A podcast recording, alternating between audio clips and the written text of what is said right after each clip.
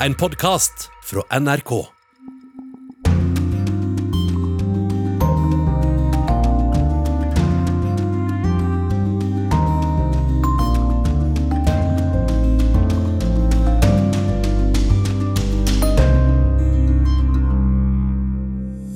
USAs president skal på tur til Saudi-Arabia. Landet han selv har karakterisert som en pariastat. Blir det et besøk med en bismak? Å jobbe som hjelpearbeider er livsfarlig. Tross våpenhvile drepes mange hvert år. Kampen om å bli president i Colombia står mellom en tidligere geriljakriger og en gammel mann på TikTok. Vi skal også til valg av ny nasjonalforsamling i Frankrike, hvor det er rift om plassene. Men vi byr også på smilehull, for gjennom hele sommeren tar Urix deg med på tur med en lokalkjent guide til en ny by. Dette er en by som kan eh, beskrives med tre ting. Leonard Cohen, verdens mektigste mafia, og pommes frites med brun saus. Og så inviterer vi til fest i Storbritannia. Mange kommer til å være driting siden dagen er omme, sa den mest snakkesalige av damene i venninnegjengen. Velkommen til Urix på lørdag, i dag ved Anja Strønen. Og vi starter sendingen i Ukraina. For jeg snakket med vårt team, reporter Sissel Wold og fotograf Håvard Hagen for en knapp time siden, og de er nå på vei til landets hovedstad Kiev, og slik beskriver de det de ser lands landeveien. Ja, Da vi kjørte ut fra Lviv i morges eh, klokken seks, så var det nydelig sol, og det var helt stille i gatene. Og langs veien mot eh, Kiev så har vi kjørt forbi veldig mange kontrollposter med hvite sandsekker. Men det har nesten ikke vært eh, bemanning på noen av dem. Bare på ett stort kontrollpost nå nettopp så ble vi bedt om å sakke ned farten. Men ellers så virker det som om alle disse kontrollpostene ikke er så aktive lenger. Og jeg er jo på tur sammen med fotograf Håvard Hagen, og han var her for to måneder siden. Og da ble de stoppet ved hvert bidige checkpoint, og da var det en helt annen kontroll av folk som kom inn i Ukraina. Eh, og da var jo ukrainske soldater og politifolk eh, veldig interessert i å se om det skulle komme noen infiltratører. Men nå er det mye mer rolig her. Dere er altså på vei til Kiev, der fire EU-ledere, deriblant eh, franske Macron og tyske Scholz, også var på torsdag. Og hva sier folk om disse offisielle besøkene midt oppi krigen? Ja, Dette var selvsagt store nyheter her i går. Og de jeg har snakket med, eh, syns at dette er veldig veldig viktig. De er veldig opptatt av at eh, Europa og verden ikke skal glemme at krigen i Ukraina fortsetter. For de ser jo nå at eh, folk i Europa og andre steder i verden ikke er så interessert i å lese om denne krigen, at krigen forsvinner ned i, eh, i eh, rekken av nyhetssaker, at det er andre ting som overtar. Så sånne besøk er absolutt veldig velkomment. Og Vi ser jo også da daglig at Ukrainas president Zelenskyj holder videotaler både til sine egne og regjeringer i andre land. Hva tenker folk flest om han og, og, de, og denne måten han holder kontakt med, med, sine på? Ja, For de unge her så er jo Zelenskyj veldig populær, veldig viktig. Og det at de vet at han snakker direkte fra mobilen sin eh, hver dag, er eh, veldig oppmuntrende. Og som vi har hørt før, så snakket han mye mer offisielt. Man kunne se at han hadde en ferdigskrevet tale. Nå har uh, unge folk mye mer inntrykk av at han snakker direkte til dem, og at talene ikke er så innstudert og eh, gjennomtenkt på forhånd, men at han deler tanker og at han oppmuntrer dem. Og også langs veien så ser vi jo store skilt og plakater som, kommer, uh, som gir oppmuntrende meldinger, som 'Slava Ukraina' og leve Ukraina. Vi skal ikke gi oss, vi skal vinne denne kampen og leve heltene våre. Og eh, eh, likevel så vet jo folk at denne krigen koster veldig mye. Koster mange menneskeliv hver dag. Det er nesten en kontrast å høre fuglekvitter i bakgrunnen, Sissel, mens vi vet at det pågår en eh, krig i landet. Og jeg har forstått sånn at dere er på vei til en begravelse i dag? Ja, det er en ung mann som skal begraves i dag. Han er en kjent figur. Han har vært eh, politisk aktiv i mange år allerede. Han heter Roman Ratunjny. Han er bare 24 år, og han falt også i et slag ved Kharkiv eh, for et par dager siden. Han ble drept der. Han er en av de tusenvis av menn som har meldt seg frivillig til denne krigen. Og han var med i opprøret på Maidan for flere år siden, som vi husker, da de felte presidenten Janukovitsj. Eh, og han har også eh, forsøkt seg på politisk valgkamp. Og nettopp at han er nå falt, er en sak som minner veldig mange ukrainere om at man mister sine beste unge talenter.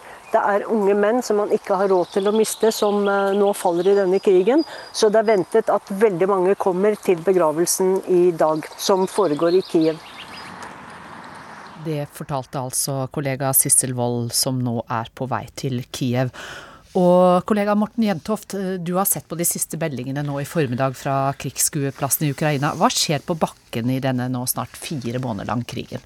Ja, eh, som Sissel fortalte, så er det jo en blodig kamp som pågår øst i Ukraina nå. Eh, ukrainske myndigheter har jo innrømmet at eh, opptil 100, ja faktisk over 100 eh, soldater mister livet hver eneste dag. Eh, kampene foregår jo først og fremst nå da i Donbas-området, eh, rundt denne byen Severodonetsk, som jo har vært den midlertidige hovedstaden i Luhansk fylke, eh, etter at de russiskstøttede separatistene tok kontroll over Luhansk by i 2014. Eh, der eh, fortsetter kampene. De ukrainske styrkene fører en seig forsvarskamp der. Eh, men det er meldt om en viss fremgang for de russiske styrkene i dette området, bl.a. ved bruk av voldsom ildkraft. I tillegg til det så har russerne gjennomført nye rakettangrep mot mål langt inne i Ukraina i natt, bl.a. mot dette oljeraffineriet i byen Kremenchuk. Det har jo vært angrepet tidligere også. Der skal Seks raketter på nytt har rammet dette største oljeraffineriet i Ukraina. Eh, det har jo gjort at eh, det er stor mangel på drivstoff i hele Ukraina nå. Det merket jeg selv når jeg var der nede for, for, eh, for vel 14, for 14 dager siden. Så, så, angrepene fortsetter altså på flere fronter. Samtidig så melder jo også ukrainerne om en, en, en, viktig seier gjennom at de har klart å senke det som de mener er en russisk slepebåt båt som var i ferd med å frakte eh, utstyr, eh, materiell og så mannskaper til denne strategisk viktige Slangeøyen, som jo eh, gjør at russerne kontrollerer da de ukrainske havnene ved, ved, ved Svartehavet. Og Der skal man da ha brukt såkalte harpunraketter. Eh, eh, det er jo bl.a. noe som danskene har forsynt Ukraina med. Sånn at eh, hvis dette stemmer, ukrainerne har også offentliggjort en video her, da, så er dette en viktig, viktig delseier da for, for, for Ukraina. Ukraina. Helt til slutt her, Morten. Hva sier russerne nå da om situasjonen? Nei, eh, russerne og den russiske presidenten Vladimir Putin snakket jo om dette på eh, eh i, i, sin tale i går da, til dette eh, næringslivsforumet i St. Petersburg. Han sa jo da at eh, den russiske militære operasjonen den fortsetter, og den kommer til å fortsette til man har oppnådd sine mål. Men det er tydelig at man fra russisk side nå begrenser da disse målene til en slags militær kontroll over Donbas-området. Og at man eh, i alle fall eh, inntil videre har gitt opp målet om å ta eh, kontroll over større deler av Ukraina og få skiftet ut den politiske ledelsen i Ukraina. Dette var jo noe som Putin gjentok da i sin tale i går. Takk skal du ha, kollega Morten Jentoft.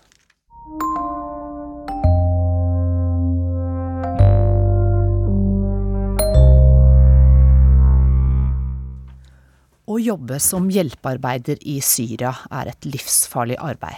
Til tross for våpenhvile drepes flere hjelpearbeidere hvert år, og senest så skjedde det mens utenriksminister Anniken Huitfeldt besøkte grensen til Syria denne uka.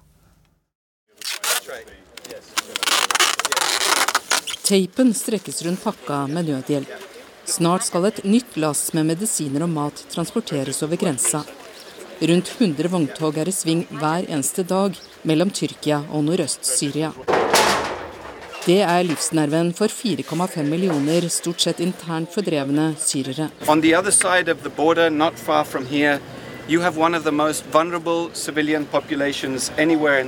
På den andre siden av grensa lever en av de mest sårbare sivilbefolkningene i verden, sier nødhjelpskoordinator for FN, Mark Cutts. Once twice, but sometimes Mange av dem flyktet ikke bare én gang under krigen, men ti. De flyktet fra by til by hele tiden med bomberegnet i hælene. Utenriksminister Anniken Huitfeldt har sammen med sin irske kollega tatt turen til grenseområdet. Norge og Irland har et særlig ansvar for å følge opp den humanitære situasjonen i Syria gjennom FNs sikkerhetsråd. Ja, jeg er blitt fortalt at det er en verre og verre situasjon for eh, syrerne. Nå blir jo brødet dyrere. Så alt blir dyrere også på den andre sida. Det går jo utover helt vanlige folk. og Derfor må vi fortsette denne operasjonen, så folk på den sida av grensa får mat, får medisiner, sånn at de kan overleve. Men arbeidet inne i det opprørskontrollerte Syria er livsfarlig grunnet fortsatte angrep til tross for våpenhvilen. Så langt i år har minst 44 syrere blitt drept, og flere hundre blitt såret i angrep, ifølge Human Rights Watch. Også hjelpearbeidere risikerer livet. This morning, while we were having breakfast, one of our humanitarian colleagues was killed. This was a, another horrific mens vi spiste frokost, ble en av våre kolleger i Al-Bab i Syria drept med overlegg av en bilbombe, forteller Mark. Han viser på kartet hvor det skjedde. Um, this, uh, this is Al-Bab did It happened in Albab, here. This was this morning, less than two hours ago. Um, I was in touch with, uh, with his team, with his colleagues this morning. Um, to pass on my condolences, something I've done many times. Det gir veldig sterkt inntrykk å snakke med de som deler ut hjelpa på den andre siden av grensen. Og så forteller de jo at uh, en lastebilsjåfør ble altså drept i morges fordi han gir ut og bidrar til at folk får tilgang til humanitær hjelp. Så det sier noe om hvor farlig dette arbeidet også er. I en periode ble én hjelpearbeider drept hver måned, forteller Markets. We had 24 killed in a 24 month period. The last year has been quieter, but this attack today is another, you know, reminder Det siste året har det vært roligere, men i dag fikk vi en påminnelse på hvor farlig dette stedet er, både for sivile og hjelpearbeidere, sier han. Drapet skjedde i området den tyrkiskstøttede militsen NSA kontrollerer. Også de syriske demokratiske styrker, som består av ulike militser, og som fikk støtte av USA under krigen, står bak en rekke angrep. Men lasten må inn dersom sivile skal overleve. Cuts er klar på én ting. Hjelpearbeiderne er de virkelige heltene. These humanitarians are the real heroes of this war. They are people who risk their lives every day to help vulnerable women and children and elderly people. I fail to understand how anyone in this world can attack these humanitarian workers. Det var reporter Mohammed Alayobi og Åse-Marit Befring som hadde laget denne reportasjen, og vi holder oss i denne regionen av verden. For denne uka så ble det klart at USAs president Joe Biden skal på sin aller første rundtur til Midtøsten. Møtet skjer i midten av juli. Der skal han eh, både besøke Israel, Palestina, Palestina, nærmere bestemt den okkuperte Vestbredden, og til Saudi-Arabia. Og akkurat møtet i Saudi-Arabia er det knyttet stor spenning til. For da Biden var presidentkandidat, så sa han at Saudi-Arabia er blitt en pariastat, og det var etter det brutale drapet på regimekritikeren Jamal Khashoggi. Og Midtøsten-korrespondent eh, Yama Wolasmal, hvor viktig er det for Saudi-Arabia at Biden kommer? Alltid viktig for et land å få besøk av verdens mektigste mann. Det er det også for eh, Saudi-Arabia. Dette er et land som i mange mange tiår har vært en av de aller aller viktigste allierte USA og vestlige land har hatt her i Midtøsten. Og det er spesielt pga. de enorme, eh, den enorme mengden med olje som Saudi-Arabia besitter, og den makten de har som en av verdens aller største oljeprodusenter. Eh, så det er klart viktig for Saudi-Arabia at Biden kommer på besøk, men det er også viktig for amerikanerne å legge besøk besøket til eh, Saudi-Arabia. For de er også avhengig av saudi-arabierne på mange fronter. Men Saudi-Arabia sier i en uttalelse at Biden skal møte kong eh, Salman og kronprins Mohammed, mens Biden senest i går sier i et intervju at han skal ikke ha noe direkte møte med den mektige og ganske så omstridte eh, kronprinsen. Kronprinsen er bare en av mange på en konferanse. Da lurer man jo på hva, hva er det som foregår her nå? Ja, Det spørsmålet er det mange som stiller seg også her i Midtøsten. Det som er i Saudi-Arabia, er at det er jo formelt sett eh, kong Salman som sitter med makten. Dette er faren til kronprinsen, men i praksis så er det kronprinsen eh, som har styrt Saudi-Arabia i flere år nå. Han har blitt beskyldt for omfattende menneskerettighetsbrudd, bl.a. dette bestialske drapet som du var inne på på Jamal Khashoggi, regimekritikeren, eh, som ble på verst tenkelig vis partert, drept og partert inne på konsulatet i Istanbul for noen år siden. Da pekte pekte alle spor mot kronprinsen og hans nærmeste krets. Og Det var da Biden gikk ut og kalte Saudi-Arabia en pariastat. Og han sa til og med at USA vil rekalibrere sitt forhold til Saudi-Arabia. Det var da han var presidentkandidat. Og Så kommer han til makten, og så har øh, dette forholdet mellom Saudi-Arabia og USA vært ekstremt kjølig.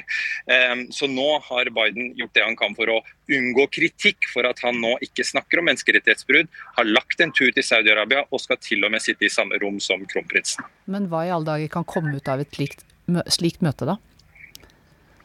Altså For amerikanerne står én ting høyest på agendaen, og det er det det pleier å gjøre når de reiser til Saudi-Arabia. Saudi-Arabia sitter på enorme oljeforekomster. Den viktigste rollen Saudi-Arabia spiller i forholdet med USA, er at de under kriser, som vi er inne i nå, etter at Russland invaderte Ukraina, så har oljeprisen skutt i været over hele verden. Da er amerikanerne helt avhengig av at et land som Saudi-Arabia pumper opp mer olje for å stabilisere og få ned oljeprisen. Så for amerikanerne står det helt helt sentralt på agendaen. Overtale saudierne til å pumpe mer olje. For det er ingenting som utløser velgernes vrede i USA som høye oljepriser. Så det er det Biden ønsker å få ut av dette møtet. Og for saudierne er det veldig viktig å få tilgang på enda mer sofistikerte amerikanske våpen, som de har vært en av storkundene til. Helt til slutt her så må vi også innom at eh, han, altså Biden skal også til Israel og Palestina, og det er ikke tilfeldig. Nei, fordi eh, president Obama, da han ble valgt, la han sin første Midtøsten-tur eh, til eh, Kairo. og Han unngikk å reise til Israel og Palestina. Det fikk han massiv kritikk for, for han nedprioritert den heteste konflikten i denne regionen. Den feilen ønsker ikke Biden å gjøre, derfor vil han reise til Israel og så til Vestbredden før han reiser til Saudi-Arabia. Men når det er sagt, så er det ingen som forventer et, et gjennombrudd i den fredsprosessen som de fleste eksperter mener ligger død. Dette blir ikke sett på som et, et, et, et, viktig besøk, men det er viktig for Biden å vise at han fortsatt prioriterer denne konflikten mellom israelerne og palestinerne. Mm. Takk til deg, Midtøsten-korrespondent Yama Wolasmal, som så klart skal dekke denne rundturen, som altså skjer i midten av juli.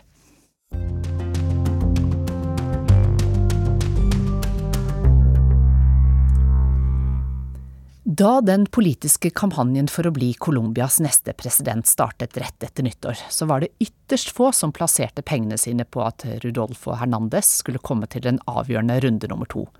Men det er så godt som dødt løp mellom den gamle mannen på TikTok, som 77-åringen er kjent som i Colombia, og rivalen den tidligere geriljakrigeren Gustavo Pedro. Og i morgen så avgjøres det, og uansett utfall så blir det en stor vending for det søramerikanske landet, forteller Anders Tvegård.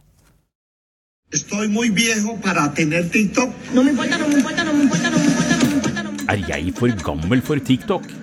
77-åringen peker på seg selv, ser spørrende ut, mens en gjeng ungdommer danser rundt ham. Rodolfo Hernandez bruker sosiale medier for å nå ut med sitt hovedbudskap om at korrupsjon er det største problemet i Colombia i dag. El problema, el cáncer terminal de Colombia es que los políticos están robando a Colombia toneladas. Han kaller eliten for mafia og tyver.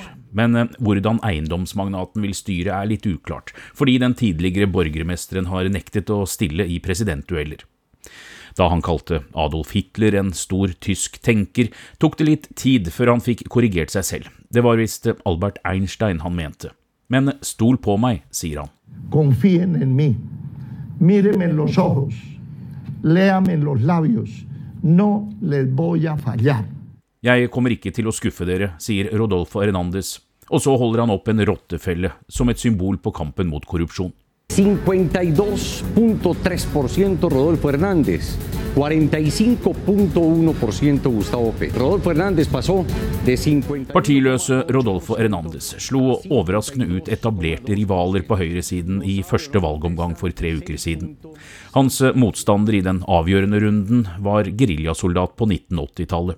Gustavo Petro kan bli Colombias første venstreorienterte president.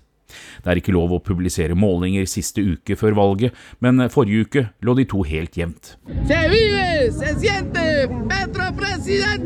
Det er tredje gang Petro prøver å bli president. Han er senator og også tidligere borgermester. Hans valgløfte er en fyrverkeripakke av sosiale og økonomiske programmer og en styrking av demokratiet. Y establecer un canal de concertaciones para las reformas democráticas que Colombia necesita, para que no estalle. Motstanderne hans frykter Petro vil skape et nytt Venezuela, i denne sammenhengen brukt som et skjellsord for sosialisme eller castrochavisme i nabolandet. Det er ikke bare Shakira, gull, råolje, roser, bananer og kaffe Colombia har avlet. Også fattigdom, store sosiale forskjeller, vold, geriljagrupper, kriminelle bander og narkokarteller. Colombias hovedproblem er at kokainproduksjonen i landet er femdoblet de siste ti årene, ifølge tall fra OLCP. Sier Øystein Skjetne i stiftelsen Golden Colombia. I Colombia har du en korrupt politisk klasse som lever i en symbiose med økonomiske eliter og kriminelle aktører. Og dette er en viktig årsak til narkotikaøkonomiens rolle i landet. Nå står valget for første gang mellom to kandidater som ikke kommer fra dette tradisjonelle politiske maskineriet. Og de har begge oppgjør med politisk korrupsjon blant sine flaggsaker. Så dette er et tegn på at befolkningen i Colombia nå krever endring. Men om en venstreorientert, splittende presidentkandidat eller en uforutsigbar forretningsmann er løsningen, er eh, uklart, sier Skjetne. Både Petro og Hernandez er populister som vil ha store problemer med å få til reelle endringer. Det er en utbredt frykt for at den som kommer til makten, kan utvikle seg i autoritær retning. Så fallhøyden for Colombia er stor. Colombia er partnerland, ikke bare i Nato, men eh, også for norsk utviklingspolitikk. Det betyr at det søramerikanske landet er blant dem som får mest pengebistand fra Norge. Norge hjalp også Colombia og FARC-geriljaen med å bli enige om en fredsavtale. Diplomatene jobber nå med å få den mindre geriljagruppa ELN inn i forhandlinger med landets eh, neste president. Begge kandidatene uttaler seg positivt om forhandlinger. Rodolfo Hernandez har sår fra Colombias blodige borgerkrig og historie. Faren hans ble bortført av FARC-geriljaen og holdt som gissel et halvt års tid. Datteren hans ble bortført i 2004. Juliana ble aldri funnet. Det ble pekt på ELN, men geriljaens løse kommandostruktur har, ifølge Colombia Reports, nylig sendt ut en pressemelding der de nekter for å ha noe med forsvinningen å gjøre. Rodolfo Hernandez stemte nei til fredsavtalen mellom staten og FARC-geriljaen i 2016, men som presidentkandidat støtter han ikke bare den historiske fredsavtalen, men også en klipp og lim-løsning for å forhandle med ELN, som altså beskyldes for å ha drept datteren hans for 18 år siden. Estamos muy cerca de ganar la presidencia de Colombia y de que ustedes se vuelvan poder. Vi er nær ved å vinne presidentkontoret, sier 62-åringen Gustavo Petro. Det er allerede anklager fra begge leire om valgfusk, rigging til fordel for rivalen, men eh, uansett hvem som vinner, skapes historie. Begge visepresidentkandidatene i Colombia er nemlig svarte kvinner. Noen ganger så kan man lure på om verden går framover, for for første gang på en generasjon så er det flere atomvåpen i verden. Det viser en rapport fra det svenske fredsforskningsinstituttet.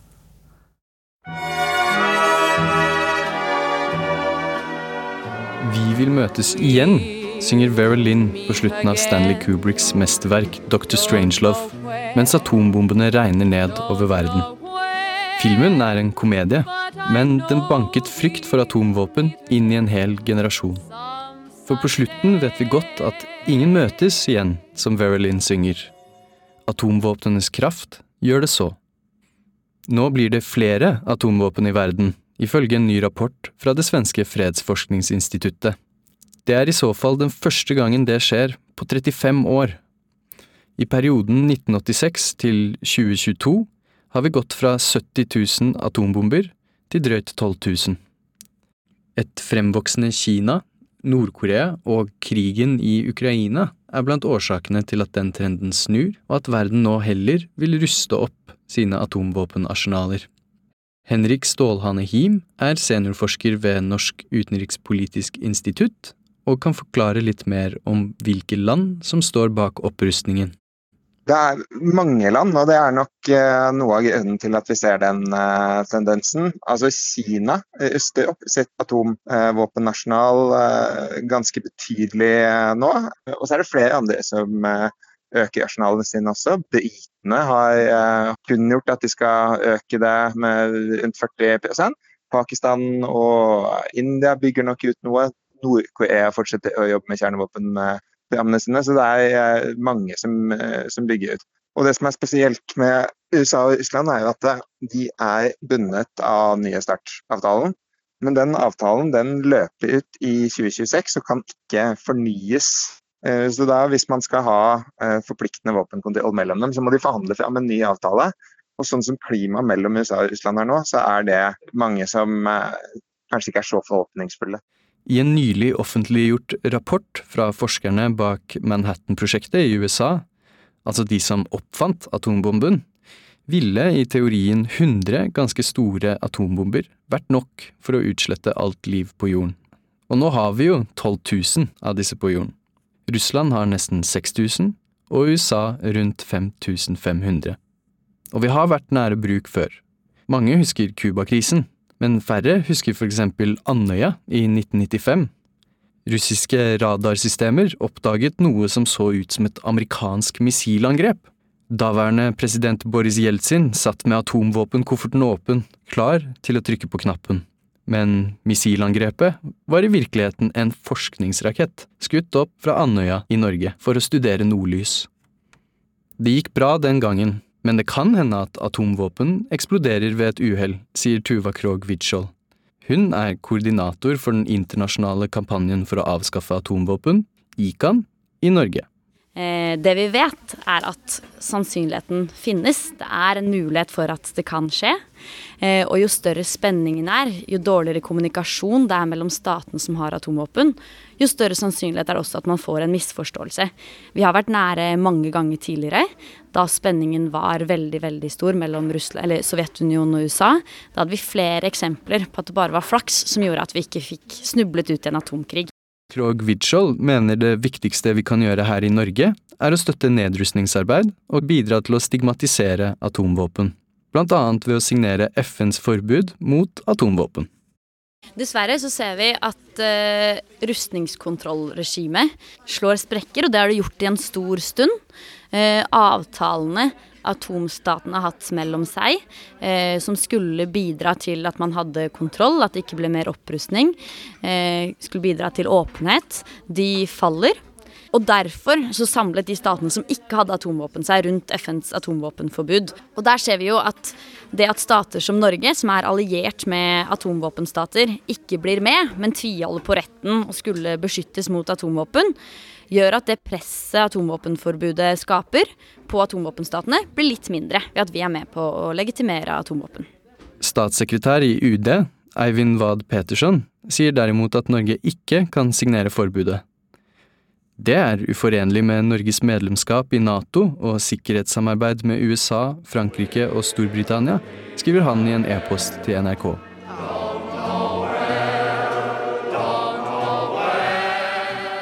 Og det fortalte reporter Filippe Ulvin.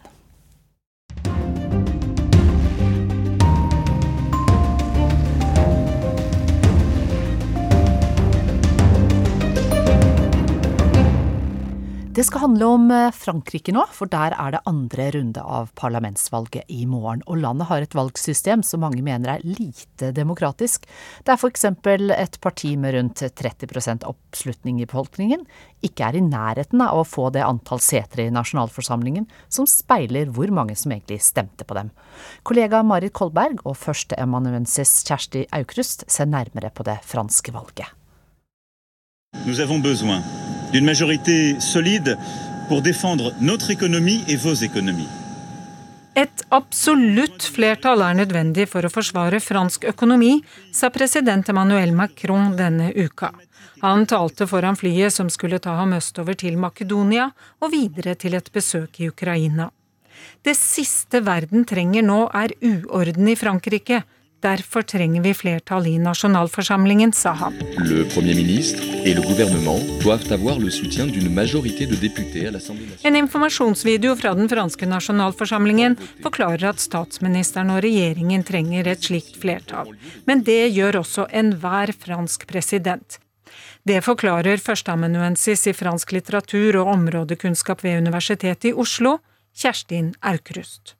Presidenten er avhengig av å få et styringsdyktig flertall, slik at han får, eller hun, får gjennomført eh, sin politikk. Altså den politikken han har gått til valg på. Men de siste meningsmålingene viser at det kan holde hardt for Macron å få en slik støtte i nasjonalforsamlingen. C'est quoi les élections législatives Valget skjer ved direktevalg i enkeltpersonkretser i to omganger. Hvis en kandidat får over 50% av stemmene, er han eller hun valgt. Ferdig med det. Men hvis ingen får flertall, blir det én omgang til, og det gjør det ofte. I annen omgang vinner den som har fått flest stemmer, uansett prosentandel. Siden valget foregår i to omganger, favoriserer ordningen de større partiene. Det har gjort allianser viktige, sier Aukrust. Det er klart at dette valgsystemet det gjør at man nærmest er nødt til å danne allianser hvis man skal ha noen sjanse til å få um, et stort antall representanter i nasjonalforsamlingen. Og det ser vi jo særlig at man på venstresiden uh, har, har, skjønt uh, i år. De har dannet en allianse som heter Nouvelle Union Populaire Écologique et Sociale. Og, og, denne alliansen den består av um, det venstrepopulistiske partiet La France Insoumise, det ukuelige Frankrike. Så er det Parti Sosialist, Sosialistpartiet, og så er det Kommunistpartiet, og så er det Europe Ecologie Lever, De Grønne. De har da dannet en allianse, og det eh, er ganske, holdt på å si, revolusjonerende, fordi den franske venstresiden har i mange tiår vært svært splittet. Selv om det er noen gnisninger internt, eh, absolutt, så virker denne valgalliansen, da, som det primært er, til å ha fungert veldig godt som en strategi. Og da har de klart å gjøre noe helt annet enn det høyresiden har klart. Der er det også en liten allianse, men den, eh, den er ikke noen sånn eh, motor for å, for å, dra inn flere velgere. Det er det eh, Les Républicains, det tradisjonelle høyrepartiet, som har sin faste allierte UDI, som er et lite sentrum-høyreparti. Og så har man selvfølgelig en stor allianse i, i sentrum. Da er det eh, Macrons parti, som har alliert seg med Eh, Modem, som er eh, Macrons eh, trofaste allierte, også et, et, sentrumsparti. I tillegg så er det to mindre partier, Horizon og Agir, som er et lite parti innad i Macrons parti, på, på høyrefløyen der. Denne alliansen da heter Ensemble, utropstegn, altså sammen. Og i tillegg så er det slik at Macrons parti nylig har byttet navn. Så da de tidligere het La République en Marche, akkurat når man hadde vent seg til det, så bytter de nå til Renaissance, eh, som, som er det samme navnet som de har i Europaparlamentet, der gruppen de tilhører også heter Renew, så det er et samsvar eh, der. Med utropstegn, de også vel. De er glad i disse utropstegnene. de er glad i utropstegn. Eh, Erik Zimor sitt parti Reconquête, gjenerobring, der er det også et utropstegn. Så det, det markerer entusiasme. Og til tross for utropstegn og ønsker om entusiasme, så er det ikke akkurat det som preger de franske velgerne foran morgendagens valg. Oppslutningen i første omgang var rekordlav, ikke minst blant de unge. Blant velgerne under 34 år holdt rundt 70 seg hjemme. Det er nok en, Man kan nok snakke om en, eh, en demokratisk krise i, eh, i Frankrike sier Aukrust og peker på folks forakt for korrupte politikere og en gedigen avstand mellom de som styrer og franskmenn flest. I tillegg blir valgordningen ofte omtalt som lite demokratisk, og flere har tatt til orde for at den bør endres. Mange foreslår en mer proporsjonal ordning, mer lik den vi har i Norge.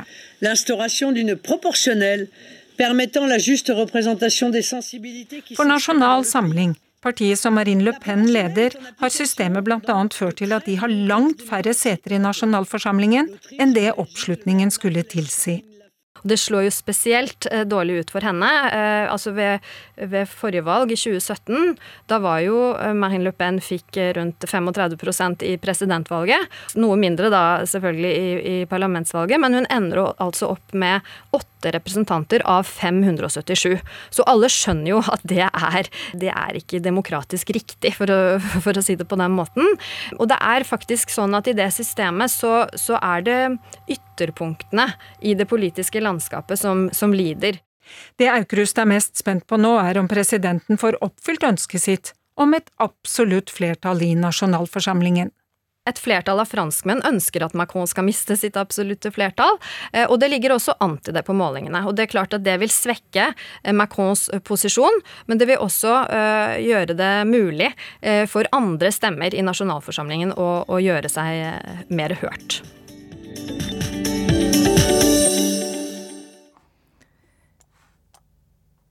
Fra valg i Frankrike så skal vi til en fransktalende by langt unna Frankrike. For gjennom hele sommeren så tar Urix deg med på tur med våre lokalkjente guider hver uke til en ny by. Det blir historie, kultur, mattips, positivt og negativt.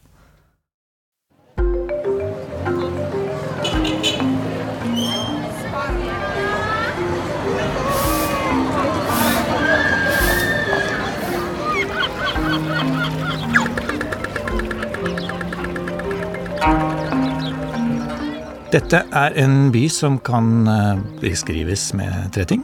Leonard Cohen, verdens mektigste mafia, og pommes frites med brun saus. Jeg heter Christian Aanensen og er journalist i NRKs utenriksavdeling. Og i 2003 bodde jeg i Montreal i Canada. Hva slags by har du valgt deg? Montreal er en kultur- og en festivalby som eh, ligger øst i Canada. Eh, den ligger på en eh, øy midt i den gigantiske St. Laurent-elven, som renner inn til de store sjøene som ligger på grensen mellom USA og Canada. Dette er også en by som har veldig mange årstider. Det er varmt om sommeren og veldig kaldt om vinteren. Litt sånn som Norge? Ja, Kanskje bare mer ekstremt, for det vi snakker eh, temperaturer ned i en 20-30 minus om vinteren. Og av somre er det godt over 30-35 grader med en høyere luftfuktighet. Så når jeg kom inn en ganske varm sommerdag i 2003, så var det jo nesten ingen mennesker i gatene der. Og dette er jo en by eh, med flere millioner mennesker. Altså eh, den nest største franskspråklige byen i verden. Hvor var alle menneskene da, Christian? Det var jo det. Og det tok jo ganske lang tid før jeg klarte å eh, finne ut. Under hele byen så har de nesten et parallelt gatesystem med butikker, hoteller, museer der de rett og slett på de varmeste sommerdagene og de kaldeste vinterdagene går og gjør handlingen sin. Dette høres jo nesten ut som en film. Så absolutt, og det passer jo veldig fint til Montreal som den uh, kultur- og filmbyen den er. Men uh, dette var nå en uh, urbanist på 60-tallet som klekket ut ideen at hvorfor skal vi gå og fryse og svette når vi kan gå helt fint og tørrskodd gjennom byens gater med å bare utbygge et gatenett under byen. Og der var det liv? Der var alle menneskene. Der var det liv. Der var det gatemusikanter. Der var de alle sammen på de varmeste dagene. Og de kaldeste dagene.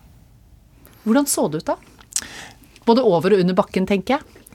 Over bakken så er Montreal veldig europeisk. Det er en skyline der med høyhus og skyskrapere, men det mest karakteristiske og det typiske er disse lave eh, teglsteinsbygningene eh, som ligger i rekker.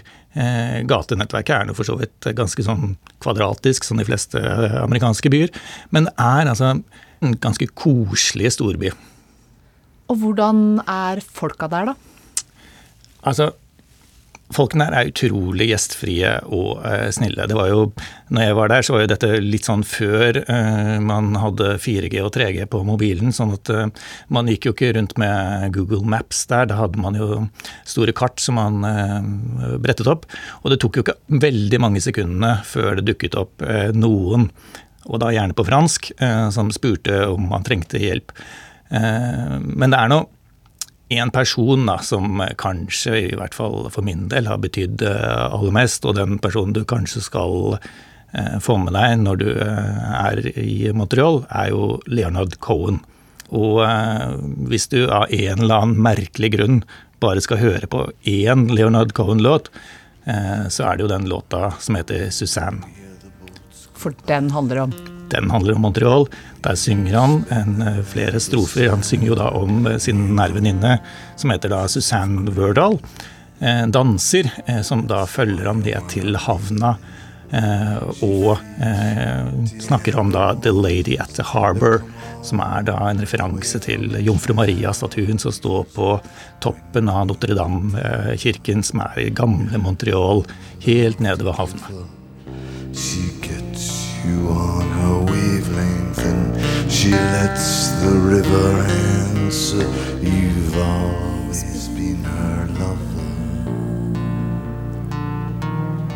And you want to travel with her. You want to travel blind.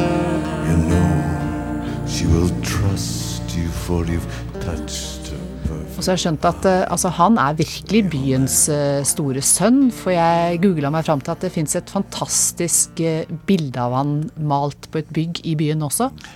Ja, han døde jo i 2016. Det var jo etter at jeg hadde vært der. Eh, og da har de da hedret eh, han med et eh, ni etasjer høyt maleri, veggmaleri, Eh, som, som, lyssettes på, på, natta. Som da ligger eh, rett ved en av favorittparkene hans, eh, Parc de Portugal, som for så vidt ikke er så langt unna der jeg eh, bodde også, så jeg har sittet en del i den parken eh, og sett på den veggen som da var helt grå, som nå er et fint portrett av han.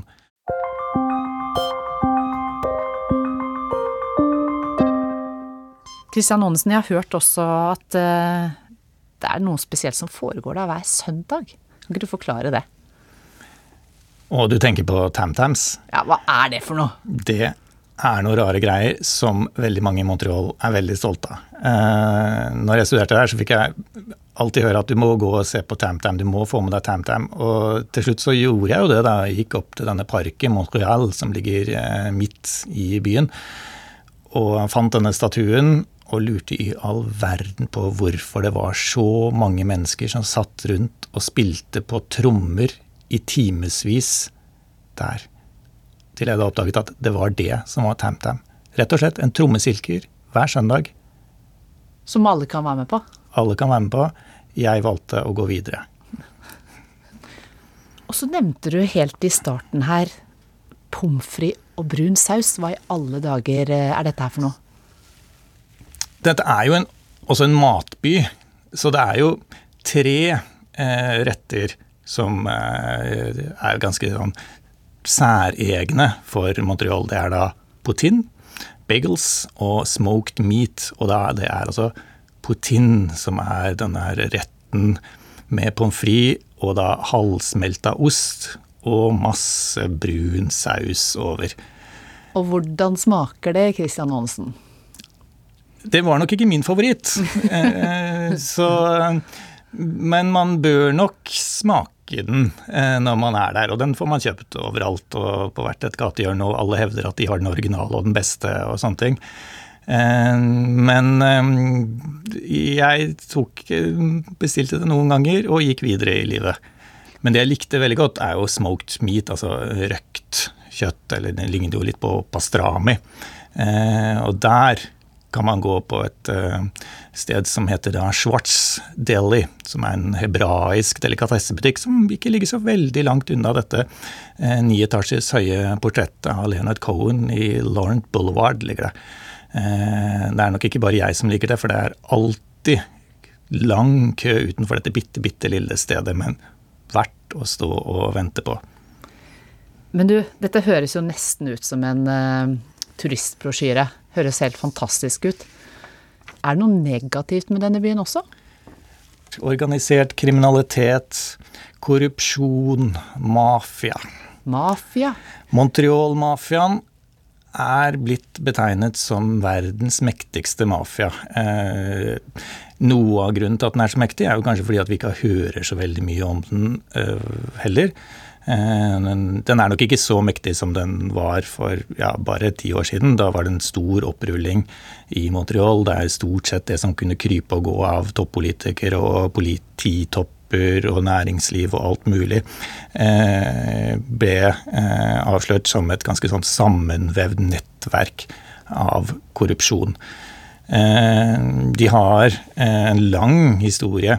Altså, Montreal eh, ble jo kalt Sin City under forbudstiden i Nord-Amerika, rett og slett pga. sine liberale lover for alkohol spesielt. Fortsatt veldig liberalt når det gjelder åpningstider knytta til alkohol. Men det var jo også noe som ble styrt av Eh, mafiaen, som utvikler seg veldig sterkt gjennom 50-tallet og har en ja, lang rekke med drap på samvittigheten. Eh, og Montreal har jo også vært hovedsete for en del av disse gruppene, som av canadiske myndigheter blir kalt terrororganisasjoner på eh, slutten av 60- og 70-tallet, da de sto bak ganske mange bomber eh, og politiske kidnappinger og drap eh, en, og kjempet for et, en løsrivelse fra Quebec, da, som er delstaten som Montreal ligger i, eh, fra resten av Canada. Men hvor står den byen i dag i forhold til resten av Canada? Montreal og Quebec er nok ganske lite representative for Canada. Eh, dette er en eh, veldig selvstendig og ganske sånn europeisk knyttet fransk del av Canada. Sånn at hvis du skal forstå Canada, så reiser du ikke dit. Nei. Da snakker vi enten Toronto eller Vancouver på andre siden. Og Canada er jo for så vidt et gigantisk land. Men Montreal og da Quebec, byen Quebec, er nok de mest eh, særegne franske delene av Canada. Eh, som også har en veldig De er veldig stolte av sitt eh, franske opphav. Eh, og snakker jo en fransk dialekt som høres ganske annerledes ut enn den fransken som vi lærer på skolen her. Hvis du skulle gitt et tips til noen som skulle reise dit nå, hva de absolutt burde få med seg, hva ville du sagt da? dette er en by som er veldig tilrettelagt for sykling. Så da vil jeg anbefale folk leie seg en sykkel, reise ned til eh, kanalen. Dette er en by som ligger på en øy, eh, midt i den gigantiske St. Lawrence-elven, som går inn til de store sjøene. og Det er jo ganske tett trafikk på denne elven, men det finnes en del fine kanaler og bystrender.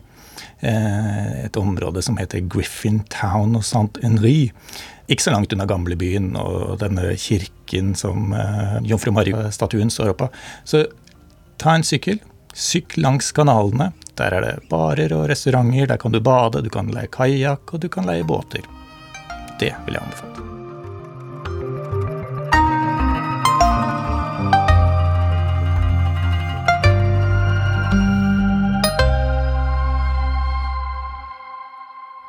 Nå byr vi opp til fest med korrespondentbrevet fra Gry Blekastad Almås i Storbritannia. Mange kommer til å være dritings innen dagen er omme, sa den mest snakkesalige av damene i venninnegjengen, før hun la til hvis de har råd til det, da. Det var tidlig på dagen, og lenge før hesteveddeløpene skulle begynne. Som så mange av de titusener som reiser i timevis fra morgengry til den lille byen Ascot sørvest for London denne uka, var de for lengst godt i gang med festen. Nå hadde de satt seg nederst i trappa på tribunen og slet med å finne en elegant måte å sitte på i sine flotte kjoler, høye hæler og fjonge hatter. Den hardt pressede økonomien ligger altså langt fremme i hjernebarken, selv hos de som er så privilegerte at de kan delta på det erkebritiske og tradisjonsrike hesteveddeløpet Ascot. For det krever sitt, både økonomisk og stilmessig. Billettprisen er stiv hvis du skal menge deg med fiffen. Noe billigere er det i områdene for allmuen. Men alle må kle seg etter strenge regler, og strengere er de jo høyere sjikt du beveger deg i. Og så må man jo drikke den erkebritiske sommerdrinken Pims, eller musserende vin, hvis man skal gjøre dette skikkelig. Og det skal man jo, hvis man er en ekte brite. Allerede på morgenen, på toget på vei inn til Ascot, var festen godt i gang. Vi sto tett i tett i et fullstappet tog. Jeg slet med å holde min nyanskaffede fjærpryd av en hodepynt på plass, der jeg ble dultet borti av bredskuldrede, høye menn i flosshatt og sjakett, og av fulle damer. Det gikk i rusbrus på dette tidspunktet. Sminkede munner hyllet i seg alkoholen via sugerør som var laget som små peniser. De lo seg nesten i hjel. Det gjorde ikke presten som satt lenger ned i togvognen. Damene ramlet av toget på vei til veddeløpsbanen. Jeg vet ikke hvor mye hest de fikk med seg den dagen. Det var på den hittil varmeste dagen av året. Gradestokken viste 27 varme. Og det var den samme dagen som den britiske sentralbanken satt renta opp for femte gang på rad. En styringsrente på 1,25 er det høyeste på 13 år, og den er ventet å stige ytterligere. Inflasjonen er ventet opp i 11% i løpet av året. Over 23 millioner briter har ikke råd til å betale regningene sine, viser beregninger. Og enda mindre råd til å delta på festen. Men festing ligger i britenes DNA. Er det ikke hesteveddeløp, så er det cricket. Eller en musikkfestival, en gatefest eller et rojalt jubileum. Konseptet er å se og bli sett i fantastiske kostymer. Idretten eller anledningen er også viktig, men underordnet folkefesten. Og den må inneholde alkohol. Mye alkohol. Under dronning Elisabeths platinajubileum nylig møtte jeg en mor og hennes 16 år gamle sønn. Gutten drakk av en boks med energidrikk, moren drakk øl. Klokka var ti om morgenen, og vi sto utenfor St. Paulskatedralen. De to håpet å få sett kongefamilien på vei inn til takkegudstjeneste for dronningen. De hadde med seg mer proviant i en plastpose. En sekspakning med øl. Det lå minst én tom ølboks der, så mor var altså dypt ned i sin andre halvliter den morgenen. Sånn fester en ekte brite. Det er mye alkohol på britiske TV-skjermer også. Så mye at jeg stadig reagerer, og jeg er ikke den mest puritanske på dette området. Men hver gang en TV-detektiv, eller hvem som helst annen for den saks skyld, kommer hjem fra jobb i en TV-serie, så tar de seg et glass vin. Eller øl. Men som oftest vin fra en halvdrukket vinflaske. Og dette skjer hver dag, gis det inntrykk av. Det får meg til å tenke at en trangere økonomi kan være sunt for noen, men langt fra for alle. Ikke for den 21 år gamle alenemoren som venter sitt andre barn, som er truet av å bli kastet ut fra leiligheten hun leier. Hun klarer ikke lenger å betale regningene sine. Jeg har en venninne som jobber frivillig for Citizen Advice Bureau, et slags britisk forbrukerråd. Det var hun som tok telefonen da den unge alenemoren ringte for å be om hjelp. Min venninne har god økonomi, men også barn på samme alder. 21-åringens fortvilelse traff henne som et lyn. Hun ville hjelpe, men alt hun kunne gjøre var å sette et rødt utropstegn på e-posten oppover i systemet. Denne henvendelsen haster. En ung, gravid mor og hennes treåring er i ferd med å havne på gata.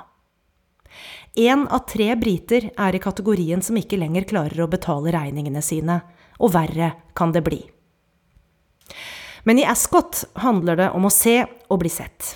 Glassene heves hyppig under en sol som beveger seg stadig lengre vestover. Høye hæler ligger strødd på plenen, såre og bare føtter lufter seg i sommersola. Det er første ordinære Ascot på flere år.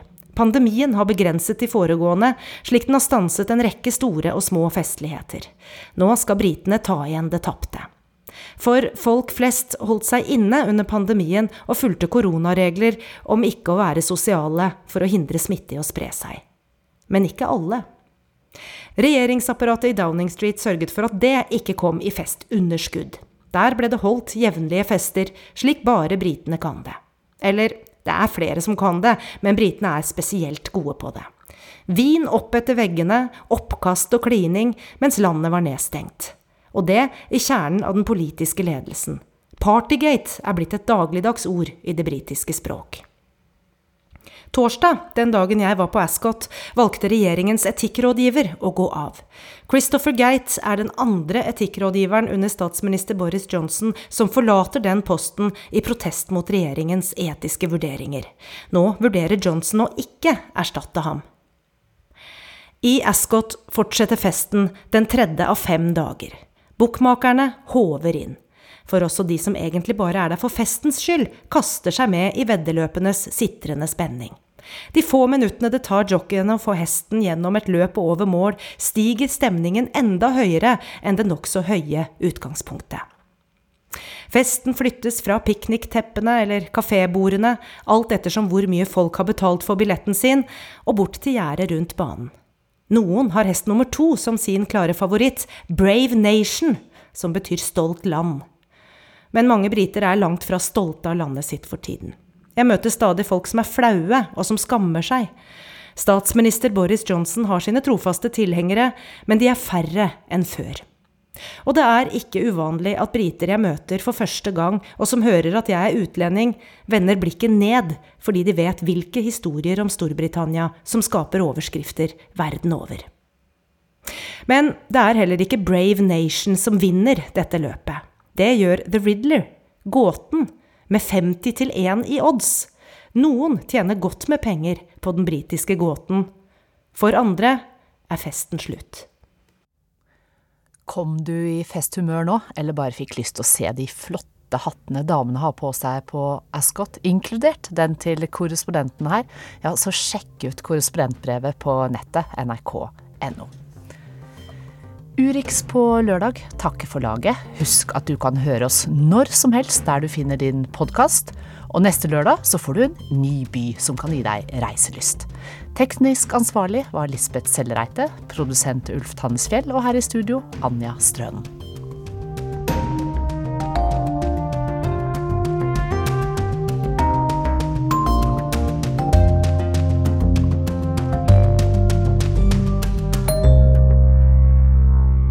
Du har hørt en podkast fra NRK. Hør flere podkaster og din favorittkanal i appen NRK Radio.